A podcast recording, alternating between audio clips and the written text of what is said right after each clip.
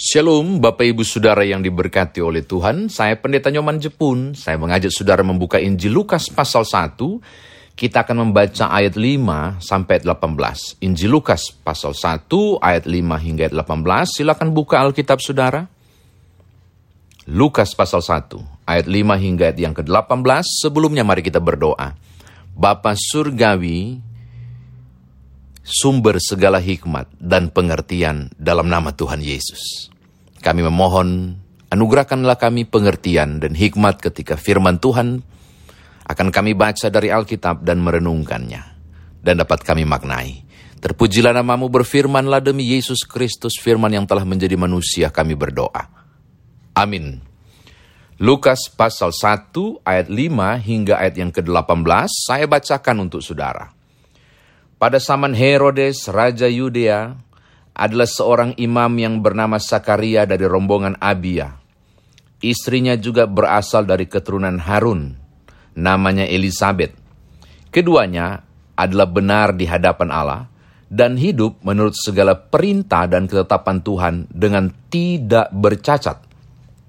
Tetapi mereka tidak mempunyai anak, sebab Elizabeth mandul dan keduanya telah lanjut umurnya.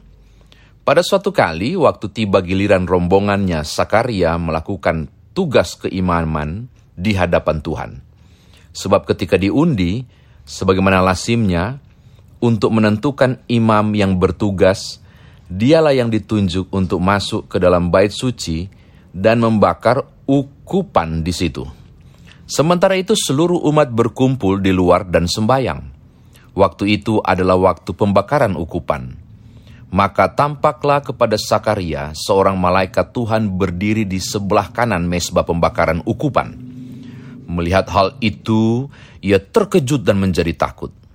Tetapi malaikat itu berkata kepadanya, Jangan takut, hai Sakaria, sebab doamu telah dikabulkan, dan Elizabeth istrimu akan melahirkan seorang anak laki-laki bagimu, dan haruslah engkau menamai dia Yohanes. Engkau akan bersuka cita dan bergembira. Bahkan banyak orang akan bersuka cita atas kelahirannya itu. Sebab ia akan besar di hadapan Tuhan. Dan ia tidak akan minum anggur atau minuman keras. Dan ia akan penuh dengan roh kudus mulai dari rahim ibunya. Ia akan membuat banyak orang Israel berbalik kepada Tuhan Allah mereka. Dan ia akan berjalan mendahului Tuhan dalam roh dan kuasa Elia untuk membuat hati bapak-bapak berbalik kepada anak-anaknya dan hati orang-orang durhaka kepada pikiran orang-orang benar dan dengan demikian menyiapkan bagi Tuhan suatu umat yang layak baginya. Lalu kata Sakaria kepada malaikat itu, Bagaimanakah aku tahu bahwa hal ini akan terjadi? Sebab aku sudah tua dan istriku sudah lanjut umurnya. Demikian firman Tuhan, saudara dan saya dikatakan berbahagia jika mendengarkan firman Tuhan ini, merenungkannya, memberitakannya, istimewa, melakukannya dalam hidup beriman kita. Bapak Ibu Saudara, untuk mengerti teks ini, saya akan mengajak saudara untuk mundur 2000 tahun yang lalu. Kira-kira begitu kita akan sedikit bernostalgia di 2000 tahun yang lalu, zaman Sakaria, ketika Yohanes Pembaptis mau lahir. Pada waktu itu umat Yahudi sedang mengalami orang orang Yahudi sedang mengalami masa kesengsaraan, masa kelam yang luar biasa. Karena kekaisaran di Timur Tengah bangkit dan menjadikan bangsa Yahudi sebagai bangsa jajahan. Mereka tidak bisa melepaskan diri dari dominasi kekuatan-kekuatan asing yang besar dan silih berganti Pokoknya bolak-baliklah mereka dijajah. Dan pada masa Sakaria, yang pegang peranan cukup kuat menguasai dan menjajah orang-orang Yahudi itu adalah kekuatan besar Romawi. Wah, itu mereka mengalami ketidaknyamanan yang luar biasa. Lalu, barangkali saudara berpikir di mana peran Tuhan waktu itu? Saya mau kasih tahu kepada saudara, tidak ada. Oh betul, tidak ada. Berulang kali Tuhan memperingatkan orang Yahudi waktu itu, pada zaman nabi-nabi sebelum bacaan kita, kalau mereka nggak bertobat, kalau mereka nggak bertobat, Tuhan akan berdiam diri dan menjauhkan mereka. Tuhan tidak akan bersama-sama lagi dengan mereka. Benar terjadi Bapak Ibu. Tuhan berdiam. Setelah kitab Maleaki, Tuhan gak ngomong lagi. Setelah kitab Maleaki, Tuhan tidak berfirman lagi. Israel mau mengiba kepada Tuhan minta tolong dari penjajah-penjajah. Tuhan biarin. Tuhan berdiam. Itu disebut dalam dunia teologi dengan dark period dark period, period masa kegelapan di mana tidak ada nabi yang diutus, tidak ada malaikat yang diperintahkan untuk menyampaikan firman. Benar-benar gelap gulita. Selama 400 tahun Israel berseru-seru kepada Allah, tapi Tuhan menutup telinganya. Sudah bisa bayangkan? 400 tahun Bapak Ibu. 400 tahun itu disebut dengan dark period, yaitu masa antara perjanjian lama ke perjanjian baru. Itu disebut dengan masa kekelaman selama 400 tahun. Bisa bayangkan 400 tahun tanpa mendengar firman? 400 tahun loh Bapak Ibu. Nah tiba-tiba di dalam kekelaman itu ketika surga bersunyi-sunyi, ketika umat bersuruh tidak menjawab, tidak ada lagi penampakan apa pun selama 400 tahun, masuk di kisah ini. Tiba-tiba, malaikat datang pertama kali dalam sejarah 400 tahun terakhir. Pertama kali nongol dan bertemu langsung dengan seorang imam bernama Sakaria. Itu dia. Jadi kalau saudara melihat Sakaria kaget, ya kagetlah belum pernah lihat malaikat kok. Kaget, wow. Siapa kau? Terus itu terkejut dan sangat takut dia. Karena mereka Israel sekalipun 400 tahun itu, 4 abad loh Bapak Ibu, nggak pernah mendengar suara Tuhan, nggak pernah dengar suara nabi-nabi bicara tentang firman, nggak ada nabi yang diutus, nggak ada. Malaikat pun tidak ada, tiba-tiba malaikat muncul, itu sangat mengejutkan. Ini catatan saya yang pertama. Yang kedua Bapak Ibu, Bapak Ibu tolong lihat uh, ayat yang kelima, Kemudian juga pada ayatnya yang ke-8 dan 9, sebab ketika diundi, sebagaimana lasimnya, Sakaria dapat tugas. Uh, saya mau sedikit berbagi soal itu, karena banyak orang nggak ngerti tentang ini ya, saya mau berbagi. Sakaria ini adalah seorang imam dari rombongan Abia. Dari rombongan Abia. Nah, uh, untuk saudara ketahui, rombongan-rombongan imam ini terdiri dari 24 golongan, ulangi ya. 24 golongan atau 24 divisi. Satu divisi atau satu golongan itu kira-kira 24 orang. Kalau ada 24 golongan bisa lebih loh Bapak Ibu, bisa lebih dari 24 orang dalam satu golongan atau satu divisi, maka total itu 24 kali 24 500 sekian imam tapi biasanya lebih dari 24 orang satu divisi. Nah ini ada 24 divisi. 24 divisi ini terbagi dengan dua kelompok besar berdasarkan anak-anak Harun. Yaitu kelompok Eliasar. Anak-anak Harun itu kan ada Eliasar toh, itu terdiri dari 16 divisi. Dan Itamar 8 divisi, total 24 divisi. Nah, Bapak Ibu tolong perhatikan ini supaya Bapak Ibu lihat bahwa ini ini bukan cerita biasa ini ketika Sakaria menyalakan ukupan itu bukan cerita biasa. Nah, satu divisi saya bilang tadi itu udah puluhan orang, bisa rata-rata 24 bisa lebih. Kemudian setelah buang undi, Sakaria yang dapat. Kenapa saya bilang ini berita yang besar? Karena dari sekian ratus orang, ketika dia dapat undi, ketika dapat undi, maka orang itu akan bertugas dua minggu berturut-turut dalam satu penjadwalan. Nah, dalam satu tahun itu ada 24 divisi harus dibagi. Jadi Bapak Ibu bayangkan dalam satu tahun itu 24 divisi masing-masing dapat satu eh, dua minggu. Dan ajaibnya dari semua orang itu yang banyak itu itu diingini oleh banyak orang imam siapa pun yang jadi imam pingin banget bertugas di bait Allah. Eh pas diundi, Sakaria. Ini bukan kebetulan. Siapa pun imam yang bertugas, ketika dia dapat undian, dia akan berkata ini mujizat. Karena akhirnya Tuhan percayakan saya untuk bakar ukupan. Kenapa?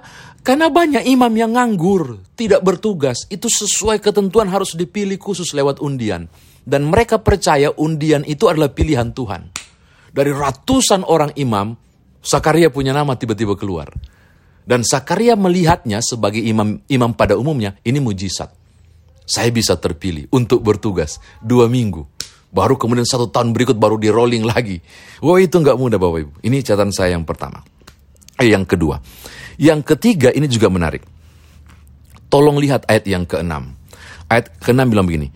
Keduanya adalah adalah benar di hadapan Allah dan hidup menurut segala perintah dan ketetapan Tuhan dengan tidak bercacat. Saya mau bilang begini, ayat 6 ini sangat penting. Mereka benar, mereka benar loh, tapi hidup mereka juga ini luar biasa. Melakukan segala perintah Allah secara tepat, Alkitab berkata, tidak bercacat. Tidak bercacat. Kenapa penting saya mau katakan ini sebagai catatan ketiga kepada Bapak Ibu? Karena ayat yang ketujuh bilang dia mandul. Elizabeth, Elisefa. Elisefa itu dalam bahasa Ibrani berarti Allah ialah sumpahku. Elisefa atau Elizabeth ini mandul dan usia mereka sudah lanjut. Kalau orang baik-baik sama Tuhan dan terus berbuat baik sama Tuhan, ada dua kemungkinan. Benar-benar taat atau punya maksud. Berapa lama mereka baik-baik kepada Tuhan sampai usia lanjut? Berapakah ukuran usia lanjut? Mazmur 90 ayat 10 bilang 70 tahun ke atas. Maka saya menduga cukup kuat Elizabeth dan dan Sakaria di sekitar usia itu 70 tahun. Tidak dikasih anak. Tapi masih tetap setia.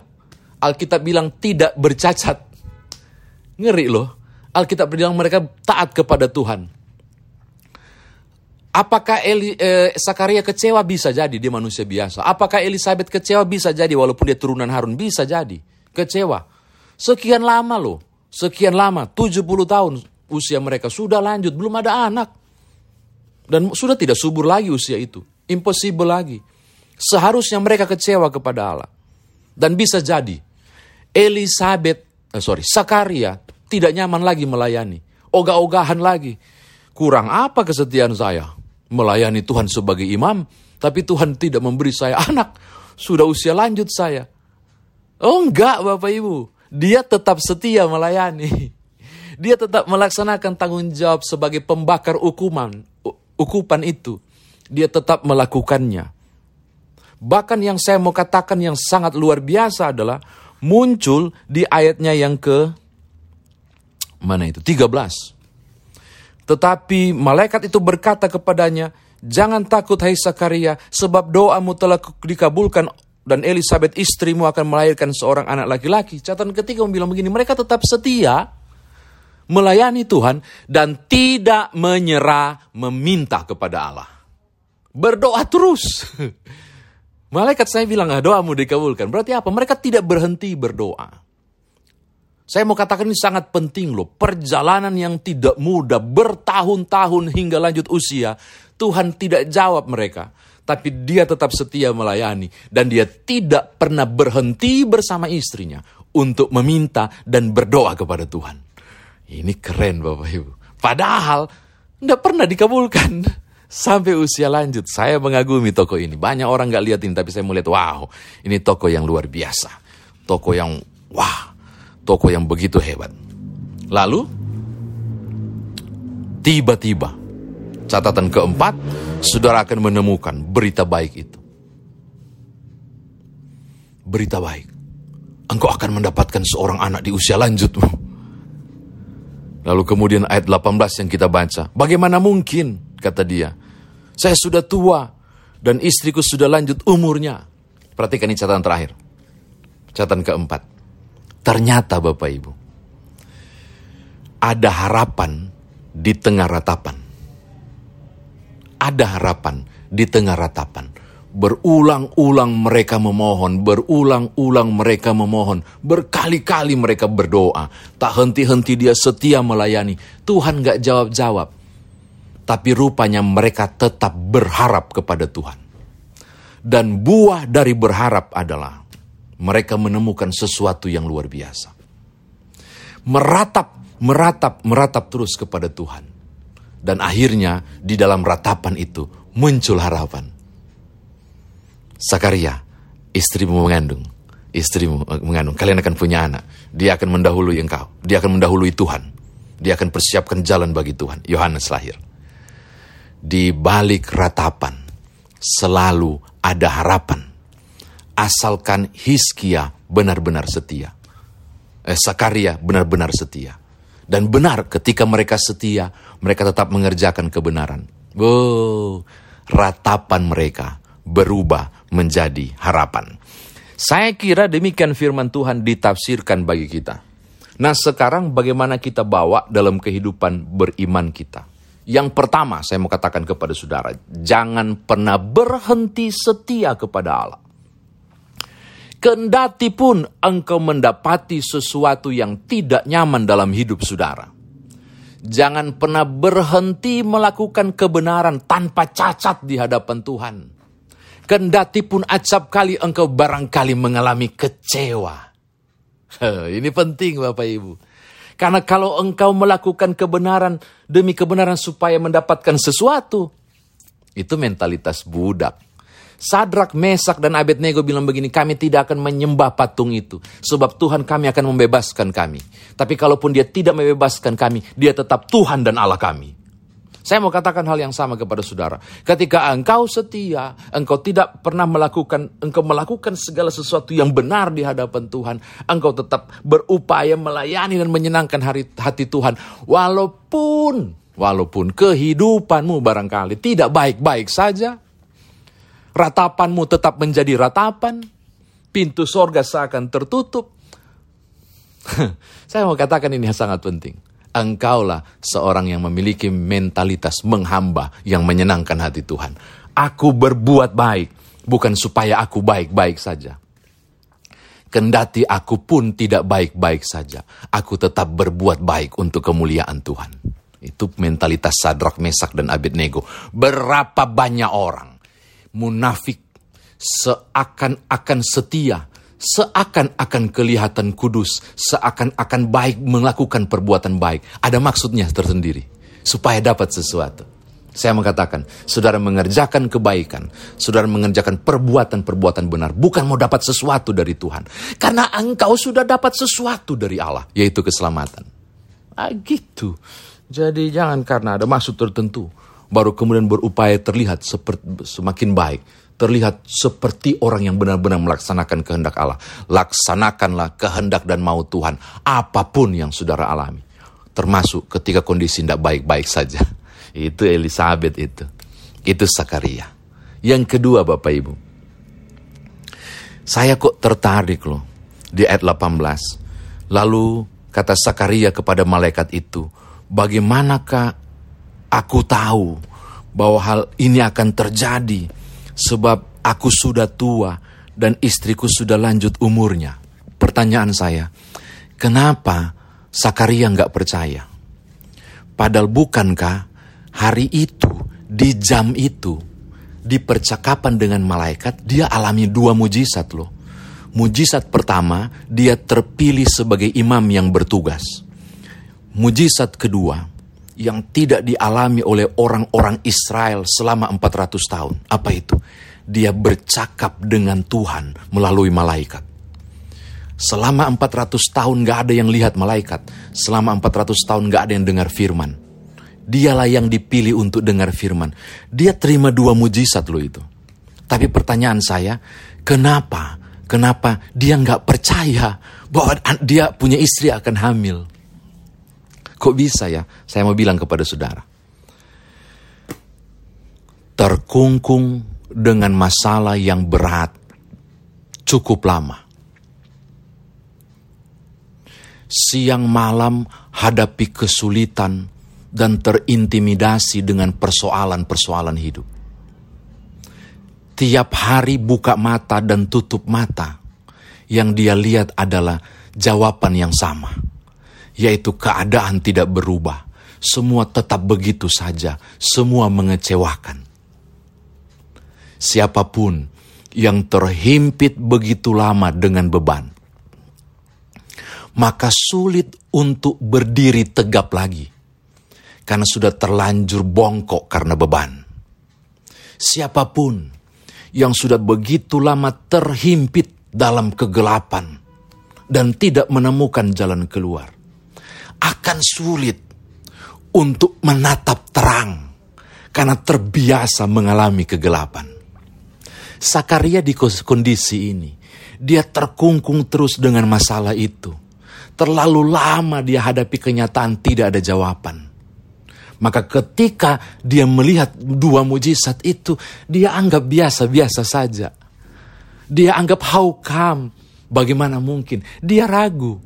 Kenapa? Karena masalah terlalu besar membawa dia pada ketakutan-ketakutan yang sangat besar. Sehingga ketika melihat peluang, dia sudah menganggap itu biasa. Ah, fata morgana. Nggak mungkinlah itu. Saya mau katakan hal kedua kepada saudara. Hati-hati Bapak Ibu Dengarkan baik-baik. Ada banyak orang, kiranya bukan saudara. Oleh karena tiap-tiap hari selalu menghadapi kepahitan, kepahitan, dan kepahitan terus. Tiap-tiap hari saudara mengalami sengsara, kesengsaraan, dan air mata terus. Saudara berada pada titik kekhawatiran yang luar biasa. Ajab kali. Tanpa sadar. Saudara mengabaikan uluran tangan Tuhan untuk menolong dan menopang saudara karena terlanjur pada kekecewaan yang luar biasa. Dengarkan siapa pun saudara yang menangkap firman Tuhan ini.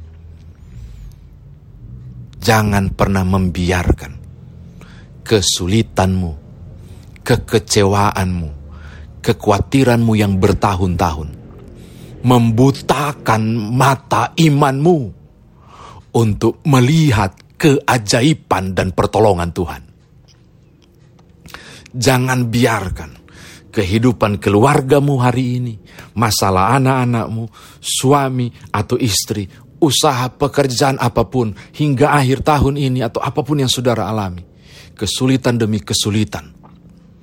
Membungkam imanmu untuk berani bangkit dan percaya. Menyongsong keajaiban yang Tuhan sediakan. Makanya Sakaria akan jadi bisu, toh? Nah nanti ada bukti bahwa kemudian dia punya anak, dia tiba-tiba bisa bicara ketika dia tulis namanya.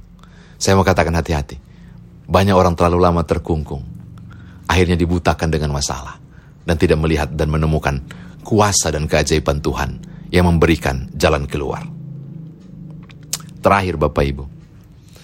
Masih ada harapan di tengah ratapan. Berapa lamakah menunggu jawaban Tuhan? Oh kasihan Zakaria dan Elizabeth sampai tua di atas 70 tahun baru dapat jawaban. Itu pun mustahil. Karena seharusnya sudah tidak subur. Sudah mati haid seharusnya. Tidak mungkin lagi mengandung. Ini keajaiban. Saya mengatakan begini kepada Bapak Ibu menutup firman Tuhan ini. Masih ada harapan di tengah ratapan mau menunjuk pada persoalan jawaban Tuhan dan mujizat itu. Tidak sembarang waktu tidak suka-suka sesuai waktu Bapak Ibu dan saya. Waktu yang paling luar biasa adalah waktu Tuhan yang indah pada waktunya. Apakah engkau tetap setia seperti Sakaria yang tidak berhenti melakukan perbuatan baik dan benar apa pun jawaban Tuhan? Dan pada akhirnya, pada timing yang tepat, dia beroleh mujizat. Selalu ada harapan di tengah ratapan. Tetaplah percaya. Tuhan berkati saudara. Haleluya. Amin.